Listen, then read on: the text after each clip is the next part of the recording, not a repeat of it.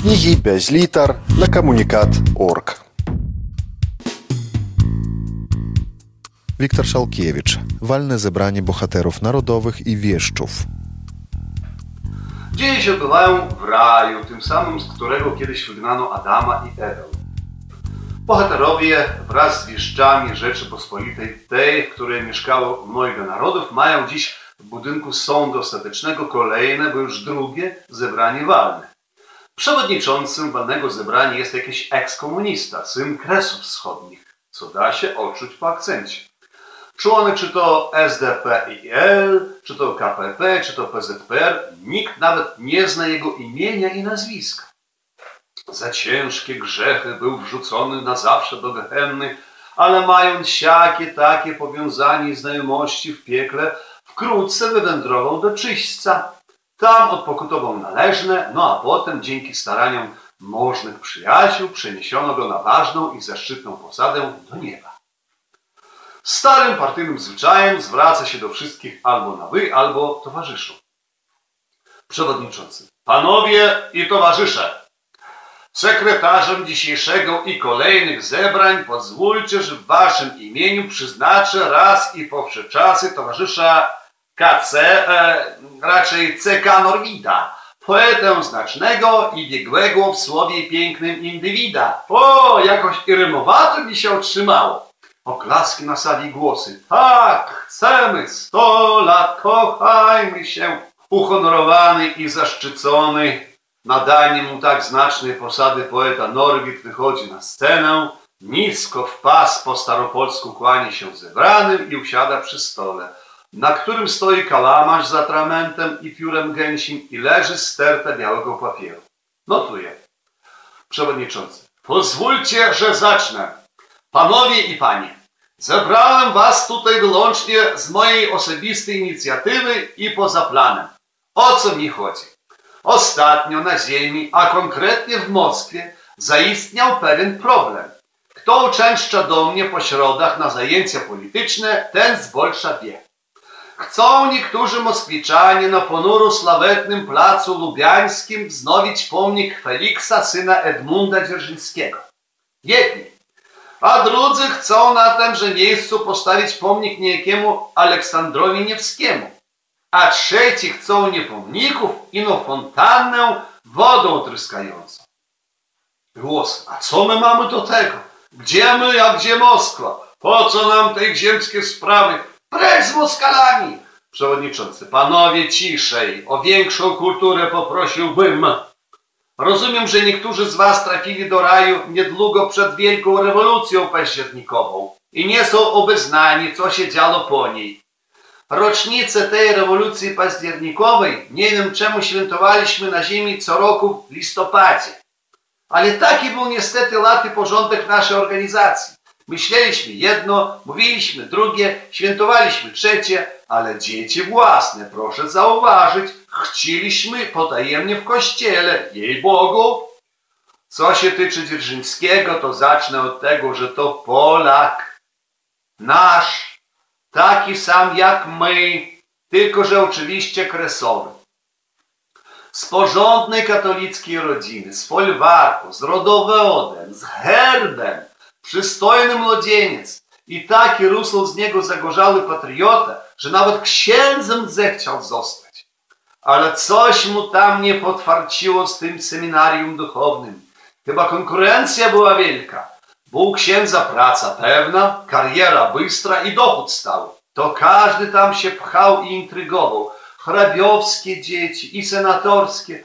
A co by tam se poradził szeregowy szlachetkę ziemińskiej bez pieniędzy i powiązań? Jednym słowem nie przyjęli go na kleryka. Nie zdał egzaminów wstępnych. To tak się obraził na duchowieństwo na całe życie. Poplątało mu się coś po tych nieudaczach w głowie. Na zbója wyedukował się, wiary się rzekł. Pół biografii spędził w katorgach i w tiurmach. Przystał potem do nijakich bolszewików, no i się zaczęło. Skorzystał, tak by mówić, z prawa odwetu. Głos sali. Wiktor Szalkiewicz. Walne zebranie bohaterów narodowych i wieszczów. Czytaje autor. Stalina też wypędzili z seminarium duchownego. Z drugiego roku. Tępy był. Nie nadawał się na baciuszkę. Przewodniczący. Dzięki książę biskupie Warmiński za cenną informację. Z jednego pola jagody.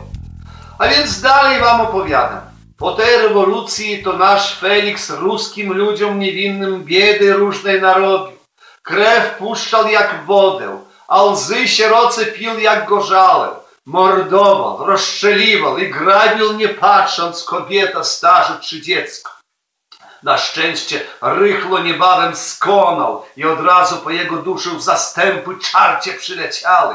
Mówili mi wtajemniczeni, że tak głęboko w piekle siedzi, w takim, nie daj Boże, strasznym zadupiu, że nie ma nijakiej szansy na powrót do czyśćca.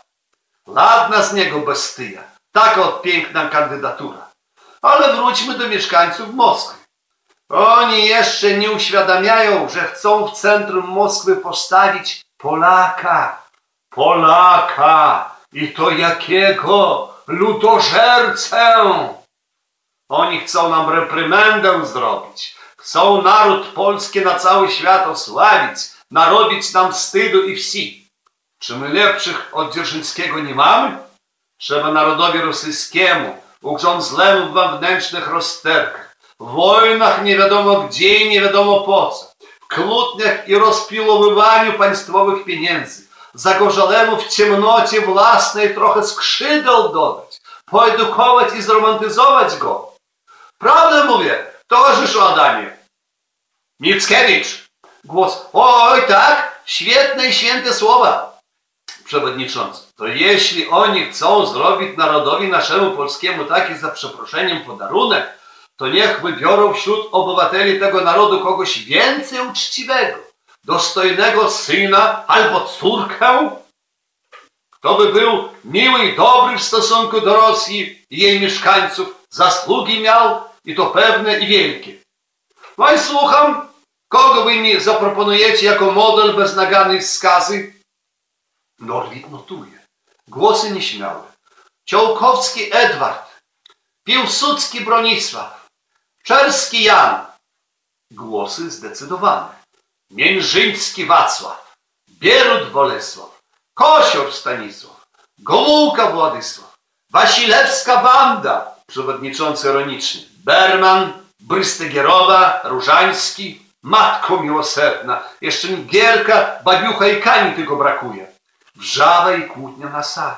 Okrzyki hańba! Nie pozwalamy! Zbolszewizowany raj! Won! Precz Żydokomuną! Norwid. Ciszej, ciszej, oby wam zatkało. Panie przewodniczący, nie mogę podołać z emocjami. Otrzymałem piękny, pachnący perfumami list, a oto pozwólcie wszyscy, że odtworzę głośno jego zawartość. Sala. Pozwalamy!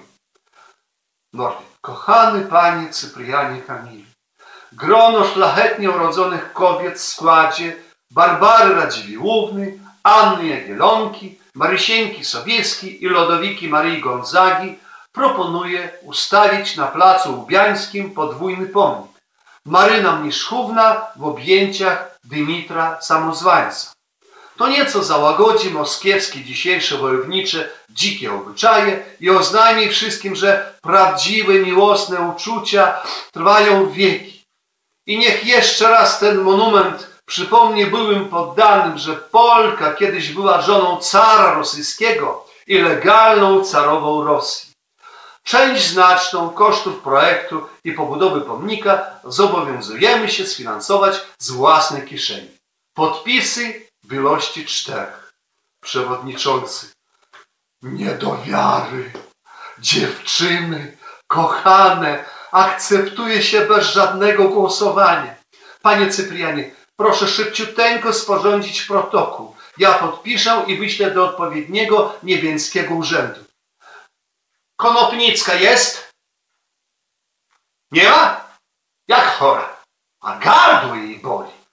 No i dobrze. To rotę nie śpiewamy. Dzisiaj bez roty fajnie wyszło. Wszystkim dziękuję. Wiktor Szalkiewicz, Walne zebranie bohaterów narodowych i wieszczów, czytał autor. Кнігі без літар на камунікат.орг.